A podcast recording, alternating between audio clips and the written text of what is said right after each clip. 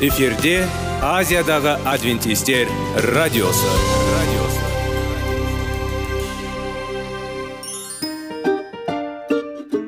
сәлем достар. Денсаулық өмір бұлағы және біздің бірінші байлығымыз демекші денсаулық сағаты рубрикасына қош келдіңіздер. Біздің рубрикада біз әртүрлі факторларменен мәліметтерменен кеңестерменен бөлісіп шын жүректен сіздердің дендеріңіз сау болғанын қалаймыз. Сол үшін біздің рубрикаға қош келдіңіздер. Дайындалып тұрыңыздар. Өйткені келесі минуттарда қызықты фактілерге ие боласыздар. Енді достар ең бірінші байлығымызды қолымызға алып алға кеттік.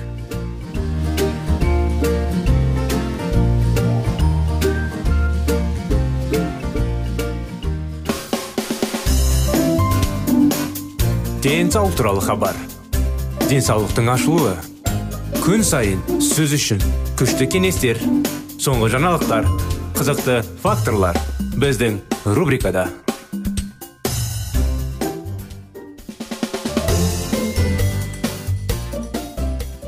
достар құрметті тыңдаушыларымыз қош келдіңіздер қытай зерттеулер тақырыбын денсаулық сағат бағдарламасында жалғастырудамыз д дәрумені әсерінің қысқаша схемасы в қосымшасында келтірілген бұл әсер ету механизмі бүгінде зерттелген аутоиммундық ауруларды біріктіреді сиыр сүтінің ерекшелігінде жануарлардың тамағын тұтынуға қарсылықтардың барлығын және оның бірнеше склерозды да бірінші типті қан диабетін де тудыруы мүмкін екенін біле отырып сонымен қатар барлық аутоиммунды аурулардың қаншалықты ортақ екенін есте ұстай отырып тамақтану аутоиммунды аурулардың дамуына әсер етеді деп болжауға болады.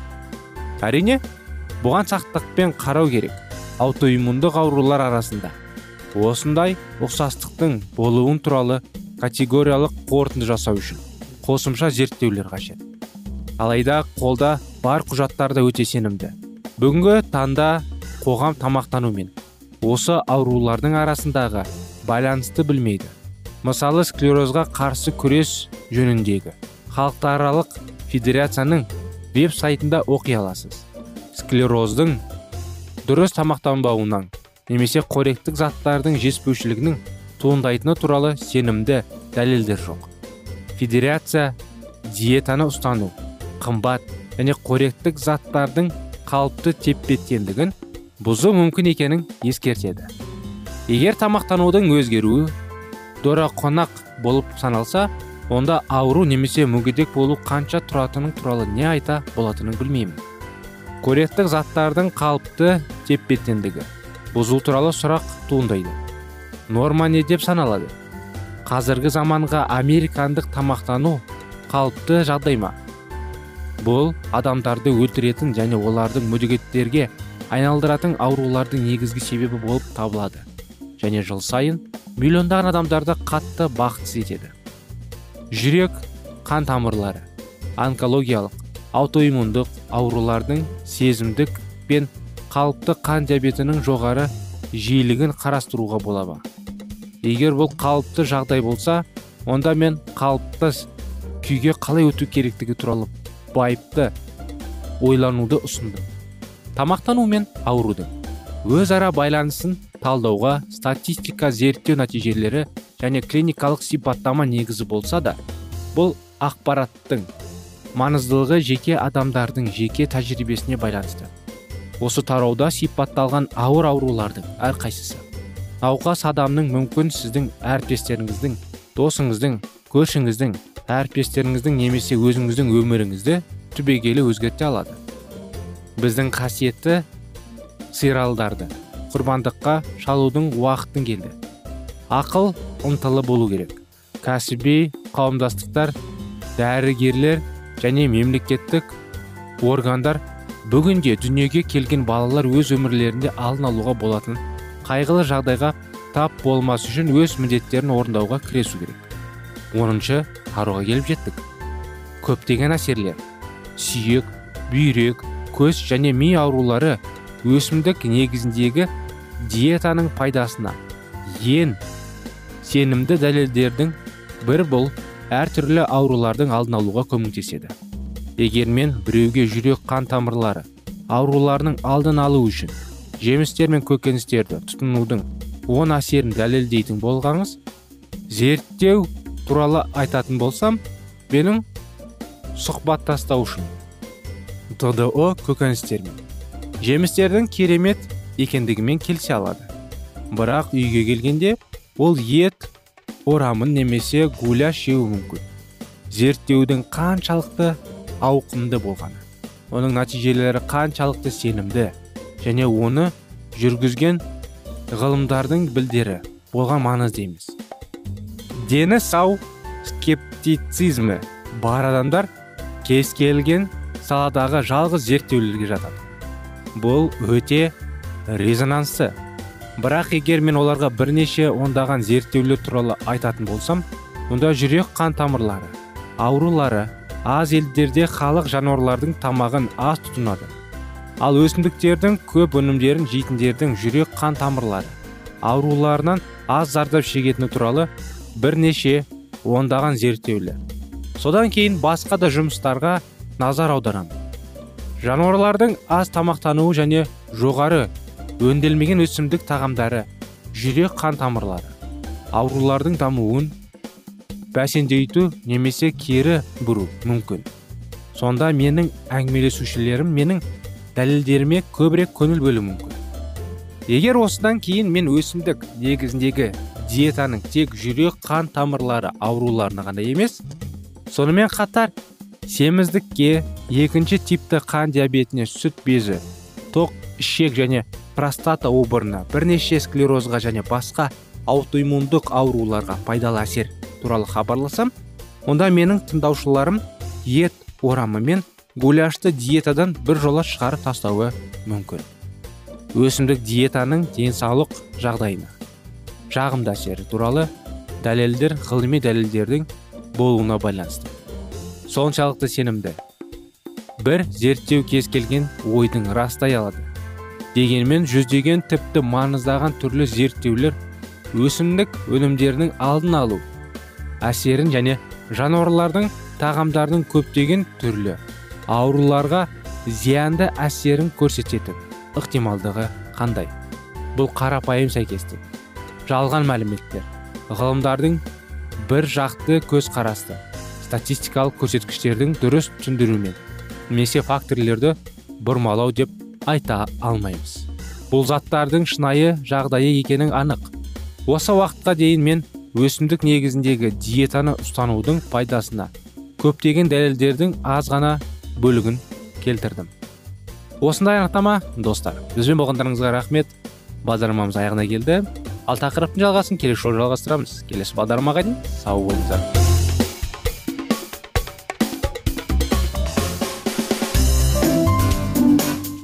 Денсаулық туралы хабар.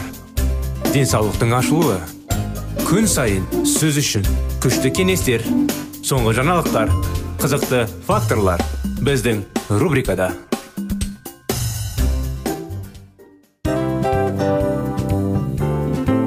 Әуелі байлық денсаулық екінші байлық он саулық үшінші байлық ақ жаулық. Ал енді осындай радио парақшадан кейін не дейміз? Барлықтарыңызға денсаулықтарыңыз зор болсын деп тілейміз. Денсаулықтың өзгеруі кішкентай нәрселерден басталады. Осымен біз берген кеңестер мен мәліметтер шын жүректен сіздер үшін қандай да бір болсын жәрдем берді деп үміттенеміз. Тыңдаушыларымызбен келесі радио парақшасына дейін қоштассамыз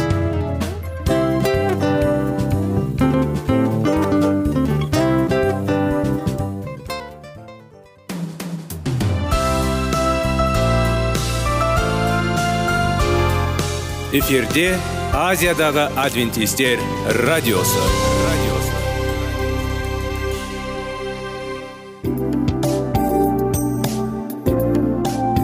Сәлем достар. Барлықтарыңызға шын жүректен сөйлесек рубрикасына қош келдіңіздер деп айтпақшымыз. Шын жүректен сөйлесек бағдарламасы әртүрлі қызықты тақырыптарға арналған. Шындығында шын жүректен сөйлесек деген сөздің мағынасы екі достың екі адамның ортасындағы шын жүрекпен сөйлесуі бір біріне сенуі ашықтық пен шындықты білдіреді. Сол үшін біздің бағдарламалар әртүрлі қызықты тақырыптарға арналған. Дайындалыңыз жаңа қызықты мәліметтерге ие болуға. Ондай болса кеттік.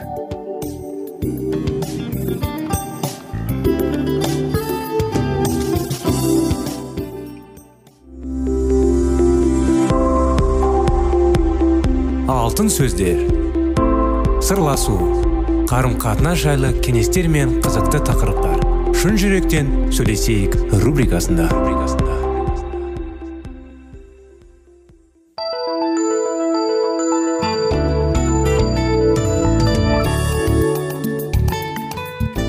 Армысыздар құрметті достар. Біздің радио тыңдаушыларымыз қош келдіңіздер біздің бағдарламамызға.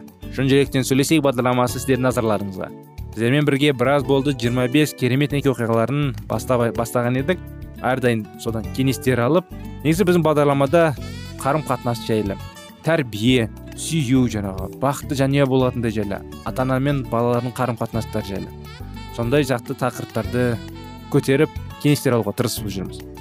Сондықтан жалғастыра кетсек өткен жолы біз сүйіспеншілік тілі жайлы бастаған едік. Сонымен біз азды көпті сөйлеген сөздерімізбен және де соларды қалай айтатынымыз жайында талқылап алдық ал енді біз тілдің басқа аспекті жайында сөйлесіп талқылайық. Біз төртінші тарауда егер жұбайлар бір бірінің мүдделеріне қарап қызмет ететін болса онда олардың некесі мықты болады деп жаздық. Дәл осындай әр адам сүйіспеншілікті әртүрлі жолмен көрсетеді және соны әртүрлі жолмен қабылдайды. Сүйіспеншіліктің түрлі диалекттерін түсіну үшін біздің қарым қатынасымыз арттыруға көмектескен махаббаттың бес тілі кітабы оқуға ұсынамыз. Өткен жолы бұл жайлы кішігірім анықтама айта кеткен едік сіздерге.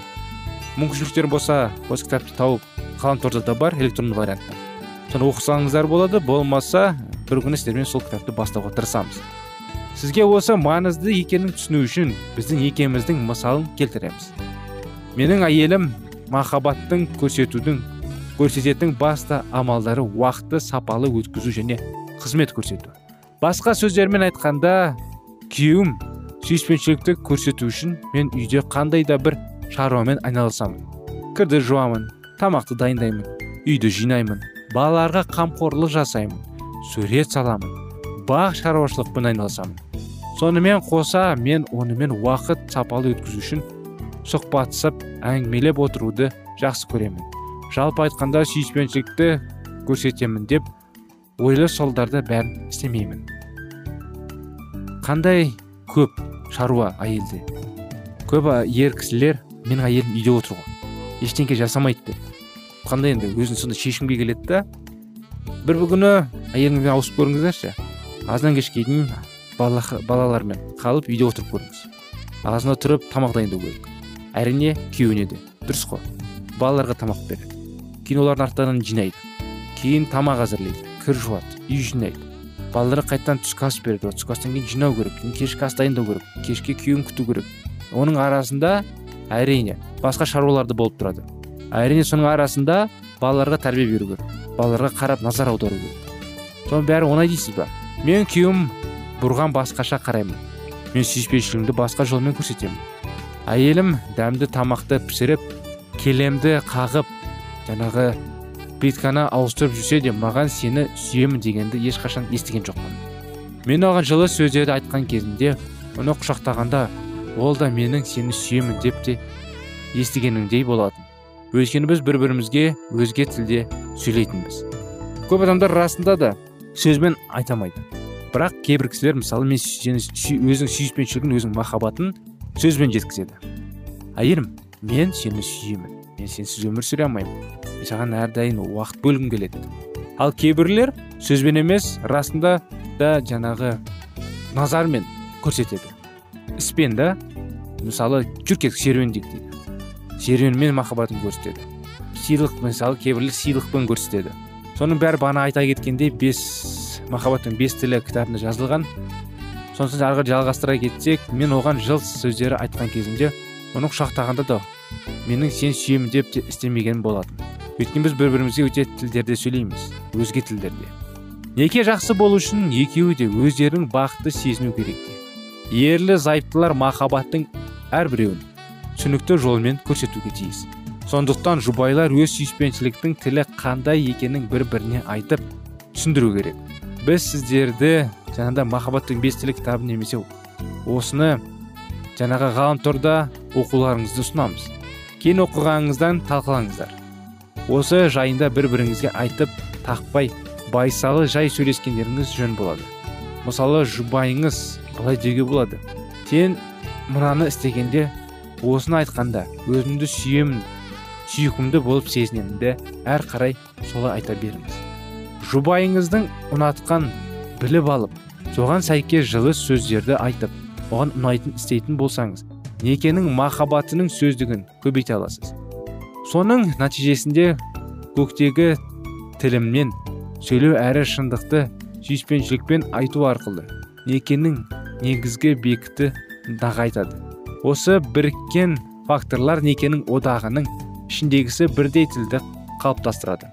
Содан кейін біз мүмкін емес нәрселерге жету үшін екінші жолды яғни бірлікті қалай нығайтуға болатын сұрай сөйлейміз. Құдайдың мақсатының туасында тәңіріміз енді құтқарушымыз қызмет етуден басқа бірлікті сақтаудың маңыздылығы жайында бас айтты. Жохан жазған хабарында иса сол түнде ұсталып бірілер алдында шәкірттерінің бірлікті ақтайтыны үшін мәжат етті. Мен бұлар үшін ғана емес олардың айтқандары арқылы маған сенетін барлық адамдар үшін де өтініп тұрмын. Әке мені өзінің жібергенің адамзаттар сену үшін сенің менімен менің де сеніммен тығыз байланыста тұрғанымыздай сүйіспеншілікте екеумізбен тығыз байланыста тұрып бәрі бір тұтас болып деп өтінемін. Солар да біз сияқты бір тұтас болсын деп өзің маған сыйлаған ұлықта мен оларға да бердім. Мен бұлармен тығыз байланыстамын. Сен де менімен сөйлесіп солайсың. Маған сенсеңдер толық бірлікке жетесің. Осылайша өзінің мені жібергенің әрі менің. Қалай сүйесің оларды да солай сүйетіне адамзатты көзі жетсін. Осындай қалай енді. Заң десек те болады осындай. Бізге жаттығу өздеріңізді қалай сүйетіңіздер солай да басқаларды сүюге тырысыңыздар. Сіздерді қандай қарым қатынас күтесіңдер өздеріңізге? Басқаларды сондай қарым қатынас сыйлауға тырысыңыздар. Осы анықтамамен кеңестердің бағдарламамыз аяғына келіп жетті. Сіздерді келесі бағдарламада күтіп келесі жолға дейін сау болыңыздар дейміз.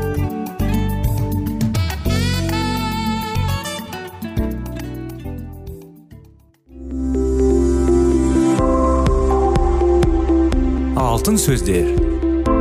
Сырласу қарым қатынас жайлы кеңестер мен қызықты тақырыптар. Шын жүректен сөйлесейік рубрикасында.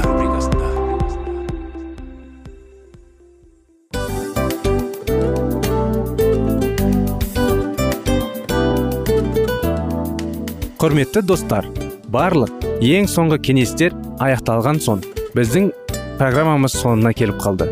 Осы біздің мәліметтер осы рубрикада айтылған әрбір сөздер сіздерге өзінің қандай да бір пайдасын алып келді деп шын жүректен сенеміз. Және бұдан да көптеген рубрикаларымыз бар. Басқа рубрикаларымызда біздің зерттеулерімізде сіздер үшін тағы да қызықты мәліметтер дайын. Біздің шын жүректен сөйлесейік парақшамызда көптеген әдістер ең соңғы кеңестер адамның нравственность жақтан моральдық жақтан тазалап байыта тұрған соңғы кеңестердің барлығын жанарады. сондықтан алдыңғы күндерде бізбен бірге болыңыздар. Өйткені барлық қызықтар алдыда. Бізбенен бірге болғандарыңызға үлкен рахмет. Келесі кездескенімізше сау сәлемет болыңыздар.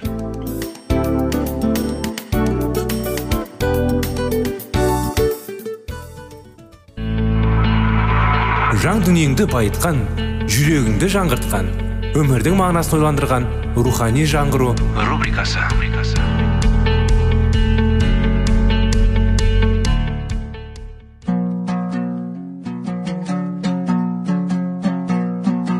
Ассалаумағалейкум біздің тыңдаушыларымыз. Келі кітаптың шындығын ашып берген қысқа бағдарламасына қош келдіңіздер. Барлығынан жоғары жаратушы біздің қарыңғылықта жалғыз қалдырып қойған емес. Өйткені ол келешекте не болу керек екенін кітаптың парақтарында ашып береді. Немесе келіңіздер бізге қосылыңыздар. Жаратушы бізге нен ашып бергенін зерттейміз африка шіркеулері толық рухани құлдыруға ұшырағанға дейін сенбіні құрметтеген папаның шіркеуі секілді. Сенбі күннің сақтаған олар құдай заңы бойынша сенбіні құрмет тұтып сонымен қоса шіркеудің құлуласы бойынша жексенбі күні де жұмыс істемеген. Бірақ рим билігі нығайынан кейін оларға жексенбі күні туралы заң танытып оны қатан орындаулы талап етіледі. Десе де мыңдаған жылдар бойы дін бастандылығына ие болып келген африкалық шіркеулер ондай жаман жолға түстен бас тартты. Римнің жол астына түсіп шынайы сенбіні жалған сенбімен алмастыруға мәжбүр болған олар кейіннен тәуелсіздіктері қолдаларына тиісімен қарай құдай заңның төртінші бабын орындай бастады. Бұл тарихи деректер римнің сенбіні және оның жақтаушыларына қалай жек көретінін дәлелдейді. Және жексенбінің мәртебесін көтеру үшін қандай құралдар пайдаланғандары жайлы айтылды. Келі кітап бұрынғы болған оқиғалар қайталанады және жексенбіні дәріптеу үшін католиктер мен протестанттар бірігеді дейді. Аяның 13 тарауында берілген аятта. Тоқтының мүйізіндей мүйізі бар хайуан түрінде көрсетілген билік барлық жер мен оның тұрғындарын жолбарысқа ұқсас хайуанға табындырады делінген. Сонымен қоса тоқтының мүйізіне ұқсас мүйізі бар хайуан барлық жердің халықтарына қарапайымдар мен ұлыларға байлар мен кедейлерге күллі құл еріктерге хайуанның белгісін қабылдатады. Тоқтының мүйізімде ұқсас мүйізімі бар екенін арқылы мәрімделетін билік америка құрама штаттар болып табылады. Ақш міндетті түрде жексенбінің сақталуын талап ететін заң шығарылған кезде айтулы аян орындалады. Сонда папалықтың мәртебесі ақштан көтеріп қоймайды. Оған басқа мемлекеттерге қосылады. Римнің билігін мойындап келген басқа жерлерде оның әсері сол қалпында қалады. Аян оның билігінің нығая түсінетіні жайлы айтады. Мен оның бір басының қатты жарақат алғанын көрдім. Бірақ кейіннен бұл жарақат жазылып кетті. Хайуанды бақылап отырған барлық жер бұған таң қалды дейді пайғамбар. 1798 жылы папалыққа қатты соққы берілді. Бірақ бұл жара кейін жазылып кетті. Мұны көрген барлық мемлекеттер пайғамбар айтқандай хайуанға таң қалды. Елші паул айтуынша күнәқар пенде мәсіхтің екінші рет жер бетіне келген кезінде дейін әрекет жасайды. Бұл билік жердің тарихы аяқталғанға дейін адамдарды алдап арбаумен болады. Жохан пайғамбар да папалыққа мінез отыра. Аттары тоқтының кітабында жазылған жандардың барлық оған табынады дейді. Рим шіркеуінің беделімен бекітілген жексенбі күннің сақтау халықтардың папалыққа бағынғандықтан оның алдындағы бас игендігінен білдіреді. 19 ғасырдың ортасында ақшта осы аянды зерттегендер оның мәнін барлық әлемге хабарлаған болады қазіргі кездегі болып жатқан оқиғалар айтылған аянның орындауының тақау екенін көрсетеді. Протестанттар папалықтар секілді ешбір негізсіз жексенбі күннің сақталуы уағыздатуда жексенбі күннің жазушаларды құдай жазалайды деген хабар қайта естіле бастады. Жексенбі күннің меріктелуі кен ететін жайды. Рим шіркеуінің қулығы адамды таң қалдырмай қоймайды. Олар ежелгі тәсілдерін пайдаланып әлемді ауыздарына қаратуға тырысып оның ішінде протестанттарды дегендеріне көндіріп жалған себебле сенбілерін қабылдатқандарына риза болып барлық жағдайды сырттай бақылай өз сағаттарын күтіп отыр. Ақиқатты қабылдаудан бас тартатындар өзін келімін деп санайтын осы биліктен оны жалған ақиқаттарын нығайтуға түсу үшін әлі де болса көмек сұрайтын болады. Сол кезде оның протестанттарға қалай көмекке жетіп келетінін білу қиынға соқпайды. Шіркеуге бағынбайтындардың қандай күйге ұшырайтындарын папаның көмектерінің артық кім біледі? Бар әлем бойынша папаның қадағалауында болатын және оған қызмет ететін үлкен ұжыл құрылады. Онда жер шары бойынша шіркеудің басы ретінде папаға бағынуға тиісіміз деп есептейтін миллиондаған халық тәлімденеді азаматтың ұлтына қарамастан олар айтулы шіркеуді сыйлауға тиісті болады. Тұрып жатқан еліне адал болуға серт бергеніне қарамастан римге бағынуға берген уәдесі бәрінен де жоғары болып шығады. Және римнің талабымен сай келмейтін басқа міндеттерді барлығынан олар босатылады. Тарихқа көз жүгіртіп. Қарайтын болсақ рим өмір бақи барлық халықтардың ішкі істеріне араласқан екен және кедергі болғандардың барлығын қара болсын төре болсын қырып жою арқылы көздеген мақсаттарына жетіп отырған.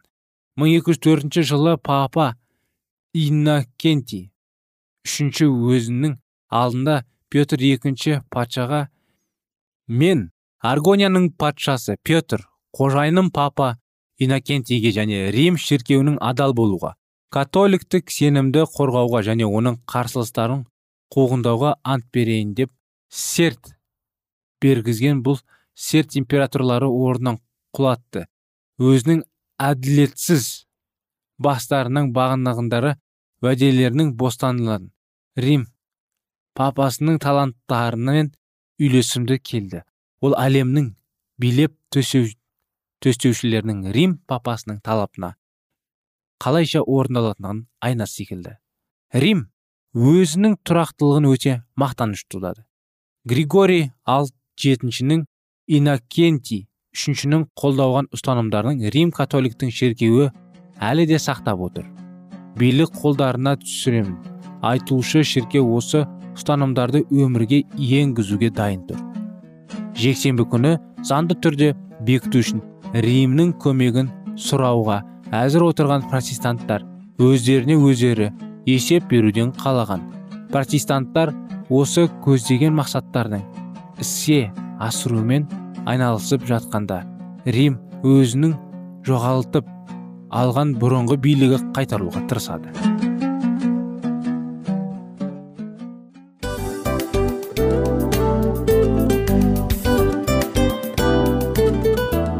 Достар біздің радио парақшамыз өзінің соңына келіп те қалды. Демек бұл программамыздың қорытындысын айта кету керек. Негізі істің басталып жатқанын қуанту керек пе? Әлде оның қорытындысы қуанту керек пе? Сіздер қалай ойлайсыздар? Меніңше қорытындысы деп ойлаймын. Себебі жасаған ісінің жемісін көріп қорытынды арқылы бағалап жүрегін қуантады. Баяғыда айтқандай бидайды сепкенде емес бидайдың жемісін жинаған кейін ыстық нанды жегенде кәдімгідей рахаттанасың ғой. Осымен біздің бағдарламамыздың аяғында тыңдаушыларымыз қандай пайда алды екен деген ойдамыз. Егерде өткен сфераларда пайдалы кеңес алған болсаңыз біз өзіміздің мақсатымызға жеткеніміз.